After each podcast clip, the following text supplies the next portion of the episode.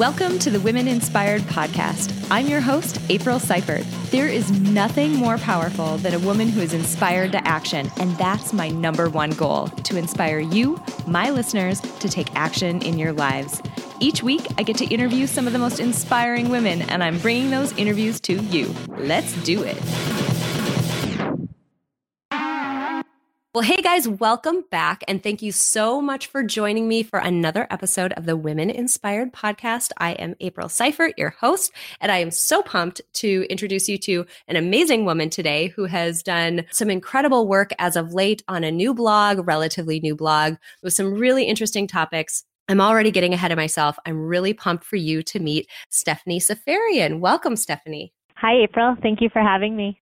Awesome. So, before we dive into all this really cool work that you've been doing. Help us get to know you a little bit and tell us a little bit about you and about your background.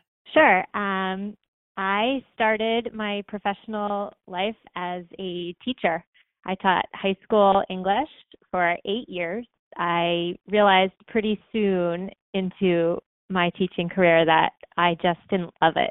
I loved literature, but I didn't love all the things that came along with teaching the, you know, behavior management, all the paperwork. Um, but still, I stuck it out for eight years because it was a job and I really didn't have the confidence to make a switch. So um, now I'm a full time blogger. I have two young daughters and um, I live a crazy but awesome life. Holy cow. Okay. I really want to dive in actually eh, something right off the bat, like something that off the bat that you said about leaving your career. Like that I, I mean I'm just like diving right in in this episode because it just like blows my mind when people make a really big life change. I'm always interested in that. Tell me a little bit about what it was like to be in your job and what were those pieces that just weren't jiving for you? Like what was your day-to-day life like and and what was it that just wasn't feeling aligned for you? Mm, well, my day to day life was, you know, get up like most people, commute. I had an hour commute and work the day before commuting home. Um, and it was fine. There was nothing about it that was just terrible or horrible, but there was a little voice inside that continuously told me I wasn't meant to teach and as the years went on, that little voice got louder and louder. And I probably would have stayed in the teaching profession for my entire life, to be honest with you, if I hadn't had my first daughter. Shortly after she was born, and I was thinking about, I was on maternity leave and I was thinking about going back. You know, maternity leave was rapidly dwindling. Um, I just kind of had an aha moment, and that was that I wanted to be the best mom I could be and I wanted to be the best example for my daughter and I wondered what I would be teaching her by trudging forward in a career that I just knew deep down wasn't the right one for me. And this is not to say anything against teachers. My mother is a career teacher, my sister is a teacher, and they are phenomenal. It's a noble profession, but um, again, just not for me. That's incredible that I uh, you used a really powerful word and it's not one it's one that we all use probably a dozen times a day but you used the word fine like it was fine. And i think that's really it's like how many times has somebody asked you oh how are you? Oh, i'm fine. How is this how is this mm. experience? Oh it's fine. And that's all fine and good but i mean there must have been something in your head maybe that little voice or whatever it is that was telling you there's something out there that's more than fine. Like there's something that can be better than fine. Did you feel like that at that time? Um, I did, but I was also very discouraged. The thought of trying something new seemed so daunting. I didn't even know how to take a first step. Really, it was maternity leave, being home with my daughter, and having that space away from the day job that, you know, really allowed me to do some deep thinking about what the first step could be and what it would actually look like if if I left my profession.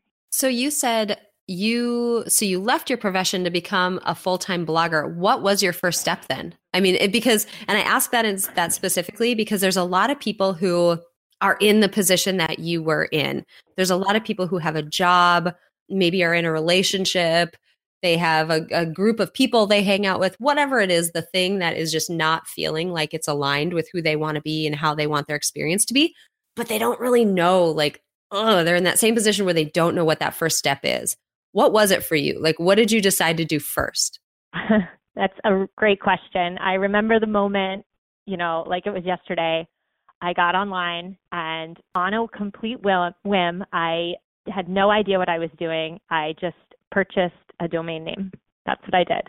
I spent, I think it was $12 or something, you know, small, but I just purchased a domain name and told myself, I'll, I'll figure out the rest. How hard can it be? And, uh, it was very hard. Every, I mean, I didn't know what WordPress was. I didn't know how to upload anything. I didn't know how to um, design or create a website.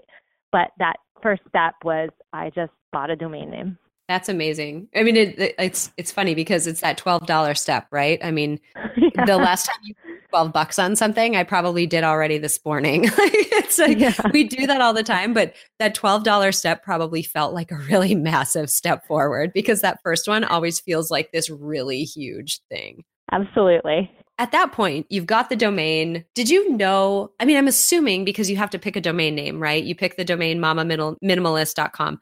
So you had to have known a little bit about what you were going to blog about. How did you come to be passionate about that topic? And how did that start to crystallize in your mind about what you were going to do with this domain? And basically, how did this thing come to fruition? Well, I've always been passionate me about sustainability ever since I was a kid. Um, you know, I've been the one who would follow my mom around the house, shutting off the light she left on because I was concerned about electricity. It's it's just who I am. It's who I've always been. And, you know, I never really talked about it much, but when I decided to do this, I decided also to become and show the world who I truly am. Mm. And that includes, you know, my passion for sustainability. So I kind of I knew that if I was going to start a blog, it needed to be something that really lit me up. Um, and so my blog, Mama Minimalist, is not just about sustainability. It's also about simplifying parenting, which is something that, you know, I'm always thinking about. How can I get rid of the mundane chores so I can more fully enjoy the the better moment. So we talk about sustainability practices, but um, we also talk about how can we simplify the terrible chore of making school lunches or how can we take the crud out of doing laundry so the the blog focuses on how simplicity and minimalism and sustainability intersect in unique ways that's awesome. I I'm like flipping through your blog as you're saying this to just sort of peek at what some of your um, recent posts are, and one completely stuck out to me. It says reduce junk mail. My like the bane of my existence is the mail. If there was a way, I want the unsubscribe button. Like I want to be able to write unsubscribe on most of my mail and send it back. It drives me crazy. So you've already got me completely interested as I'm looking at this. Like, yes, she's going to show me how to unsubscribe from the mail. This is awesome because that just drives me nuts to have to deal with all of that. What are some of the other topics that you talk about in your blog? Well, my ideal audience is women like me. So women with young children who are, you know, haven't who have an interest in sustainability, but who also are generally just overwhelmed by parenting and running a household. So I talk about, um, you know, giving gifts that aren't toys. I cite research about um, best practices for gift giving, for example. Um, I talk about how to take the stress out of planning meals and how to save money and um, time at the supermarket. So you know, those types of topics. mm-hmm. Yeah, totally. I mean, those are all, you used the perfect word earlier, the mundane topics that are just built into our day that we just have to get them done. It's just kind of how it is. But how do you do them in a way that makes them feel I don't know, less heavy and less burdensome. And I think that's something that all of us really, really would love to have um, in our daily lives. You kind of mentioned, as you were talking about setting up your website, you mentioned a little bit that you were not a tech person, that it wasn't something that you knew how to do to set up a WordPress blog and, and upload things and, and, you know, create a website. How did you figure all of that out? Like, how did that not become the thing that just put the kibosh on the whole plan? Well, honestly, there were many times where I wanted to just say, screw this. It's too hard. I don't have time for this to, you know, figure out how to put the button on the right hand side of the page as opposed to the left, for instance. Mm-hmm. But um, I put my head down and kept trudging forward. And instead of looking at, at as a huge, daunting task of creating a website, really just changing my mindset and um, uh, breaking a big task into smaller pieces and checking one off, solving one problem, then solving the next, then then the next, really kept it from being overwhelming. As I've improved these little difficulties that I hit, um, I I'm I'm learning a whole new skill set. So I you know problems I come across, I'm able to use my new knowledge um, in a field I had no idea what I was doing to more quickly solve problems. I'm totally going to put you on the spot, but give me an example of that because it's something that I don't think people think about when you truly branch out of your comfort zone and you have to learn something that is just totally foreign. And lots of times these digital things are, are totally that. Like, yeah, I've, I've been on the internet, I've clicked around on websites, I haven't built one. I mean, I don't know how they get there. Like, the internet's a magical thing. It just shows you websites, but there's a ton of work that goes into each one of them. So every time that you branch out of your comfort zone, you do learn a completely new skill set. And something that I've noticed every time I've done something new, and it's exactly what you just said, is that you learn. In my case, I learned how to learn. Like I learned how to figure something out that I didn't know how to do, that nobody I knew knew how to do. And I figured it out and that process of learning how to how to learn is something that I've applied a bunch of different ways. So give me a little bit of an example about how, you know, this work that you've been doing or the process of setting this up kind of infiltrated the rest of your life. Yeah, you you um you verbalize it so well. That another part of the puzzle for me is that if I solve some little problem on my website, it gives me the confidence that I can solve more little problems or, you know, even tackle a bigger one. You know, an example can be as silly as, you know, getting the picture to be the right dimensions. In the beginning, that was, you know, a week long problem that took me a week of research, a week of tinkering and twiddling and, you know, for something so silly as a picture. But, you know, once it's solved, the confidence is there that, okay, on to the next problem that needs to be solved. I love it. That um, confidence piece. It's something that I hit on in episode 17 with Ashley Smith. We talked about a very similar topic around the idea of risk taking. And it doesn't seem like this is a risk, right? Like, how do I make a picture a certain set of dimensions? But it is. If it's going to be something that's going to stop you in your tracks and keep you from making progress, continuing to push at it and like continuing to just know that there's a solution out there and trying to get toward it, that does have an element of risk taking to it. And it does require some confidence. And we talked about how, you know, exactly as you said, that ability to build your confidence and be able to take on bigger and bigger risks, it's a muscle. So maybe today you can only lift five pound weights, and that's fine. That's what you're going to lift today. You're going to lift those five pound weights. But in a little while, those five pound weights are not going to feel that heavy anymore. And you're going to be ready for 10 pounders. And now the stuff that you thought was hard in the past, creating pictures that fit somewhere or moving that button around, which now, by the way, every time you look at a website, you'll be like, man, that's a big feat that they got that button to be where it is. Because um, it is, it's a big deal. You know, now those things just don't seem like that big of a deal. And exactly as you said, you're on to bigger and better things that are just harder and more risky and more scary. Absolutely. How do you feel? So earlier on, you were talking about how, you know, you didn't want to stay in a job that you didn't love and you didn't want to stay in a career that you didn't love because you were curious about or concerned about the way that you were a role model for your daughters. Talk about what that feels like now, now that you've made this change and you're doing something that you're more passionate about. Well, I feel like I'm living my truth. Um, and that in turn really affects my level of happiness. I feel like I'm a happier person. Um, and that must trickle down to my children. At the same time, though, um, it hasn't been an easy journey. I have a lot less time to spend with them, with my daughters. Um, so it's a constant, you know, back and forth, um, a struggle of, you know, me fulfilling what I consider to be my higher purpose, but also being there for my two young daughters. It's it's not easy, but again, I'm at a place where, you know, there's no chance of me looking back.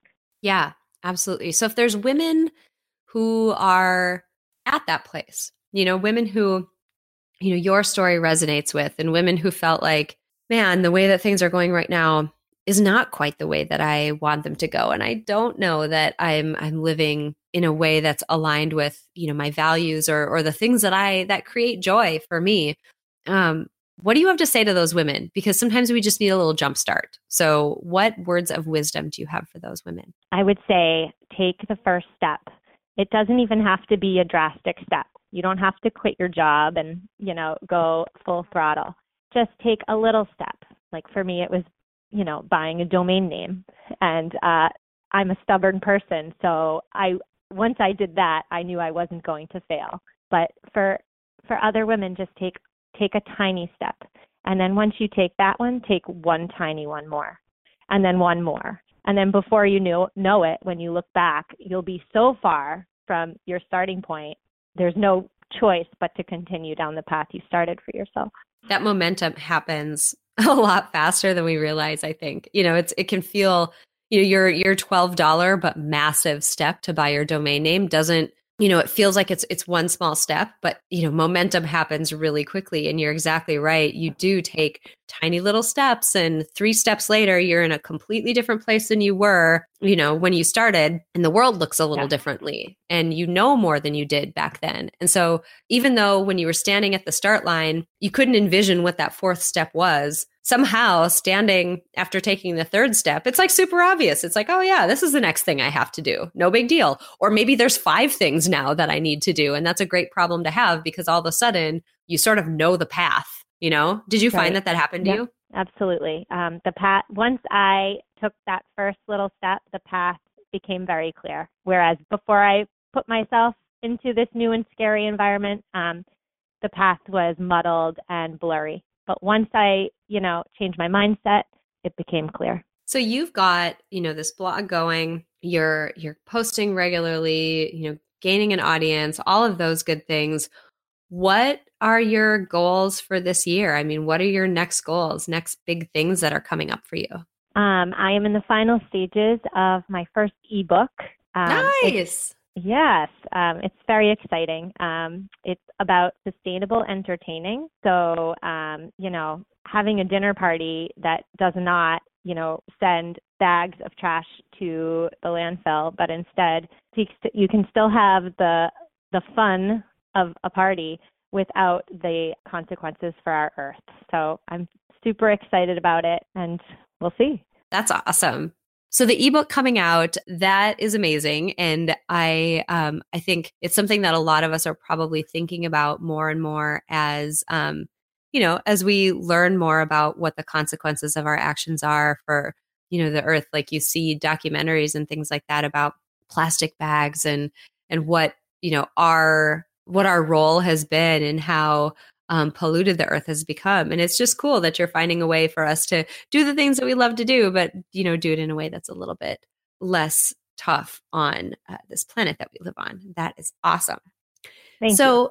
For women out there who are excited about this type of thing, for women who want to know a little bit more about uh, the work that you're doing, help us uh, find you online. Where are you at? Um, you know your your website, social media, all of that. You can find me um, on my website. It's mamaminimalist.com. That's M A M A minimalist.com.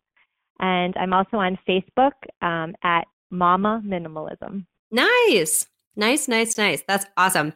Um, so as we're wrapping up today, um, we kind of talked about, you know, walking through, you know, making that big change in your life and taking the first step and all of that. And one big piece of that to me is keeping yourself motivated and keeping yourself pumped up to be able to do some of those difficult things when you're banging your head against the wall and you can't figure out how to get that picture to be per a specific set of dimensions. So, one way that is really has become such an important uh, tool for me is music, which is why we have put together the Spotify Power playlist, which is all songs that are curated by the amazing women that I have interviewed on the podcast. And so before we wrap up today, I have to ask you for your favorite motivational song. It has to be Survivor's Eye of the Tiger. Mm, nice. Why that one? That's awesome. That is like a beefy song. it's just, I can't think of a song that um, is more motivating than that. It's the epitome of motivation, really.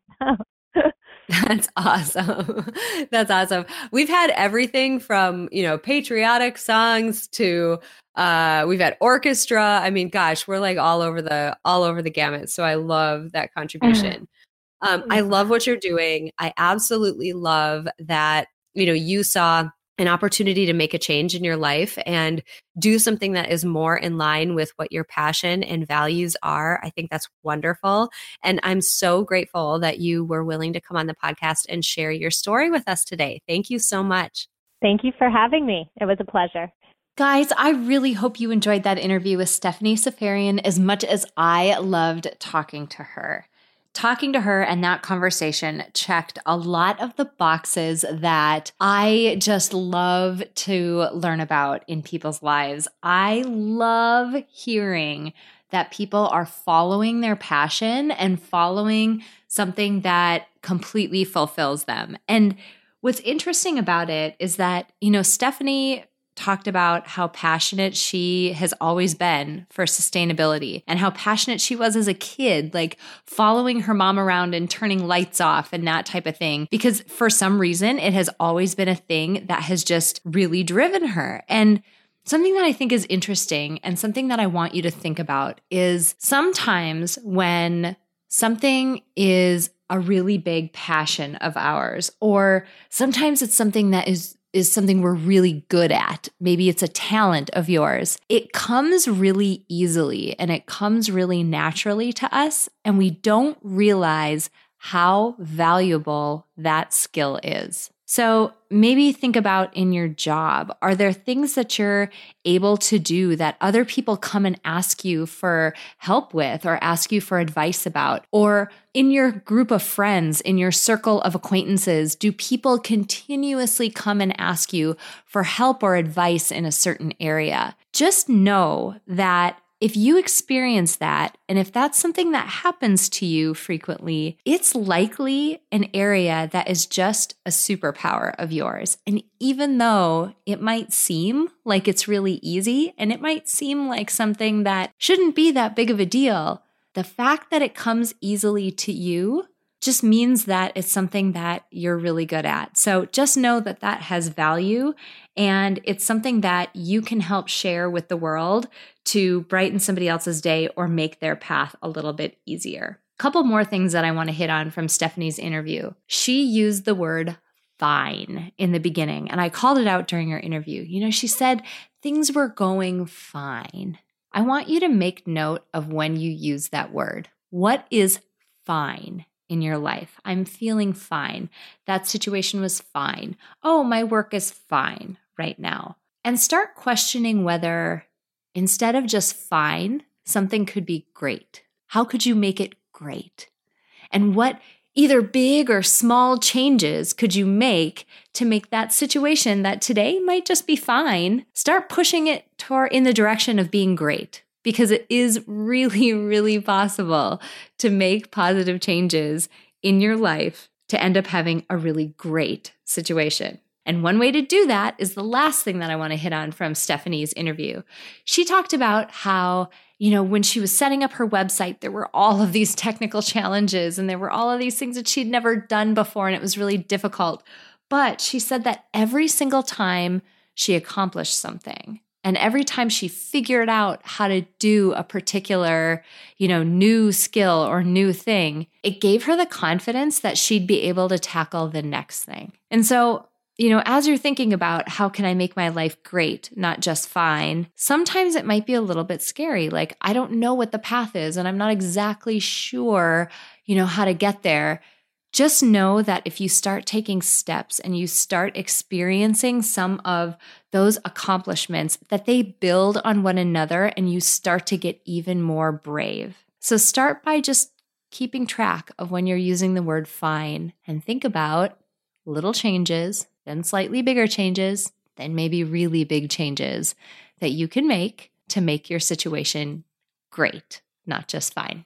Before we close out today, I want to say thank you to my producer, Cameron Hill. If you enjoyed this episode, please share it with someone else who might benefit from this content. And if you have a moment, click the link in the episode description to leave me a rating and a review on iTunes. It would mean so much to me. Finally, if you're ready to start making changes in your life to align your day with your goals and your values and what fills you up, I have a free tool to help you get started. Sign up at aprilseifert.com to get immediate access to my free Life by Design life blueprinting tool. I designed this tool using theory from the fields of psychology and design thinking, and it will absolutely help you get clear on the areas of your life that are serving you and those that aren't. Clarity is a critical first step before you can design your own best life. Thank you so much for joining me this week. Until next time, have an inspiring week.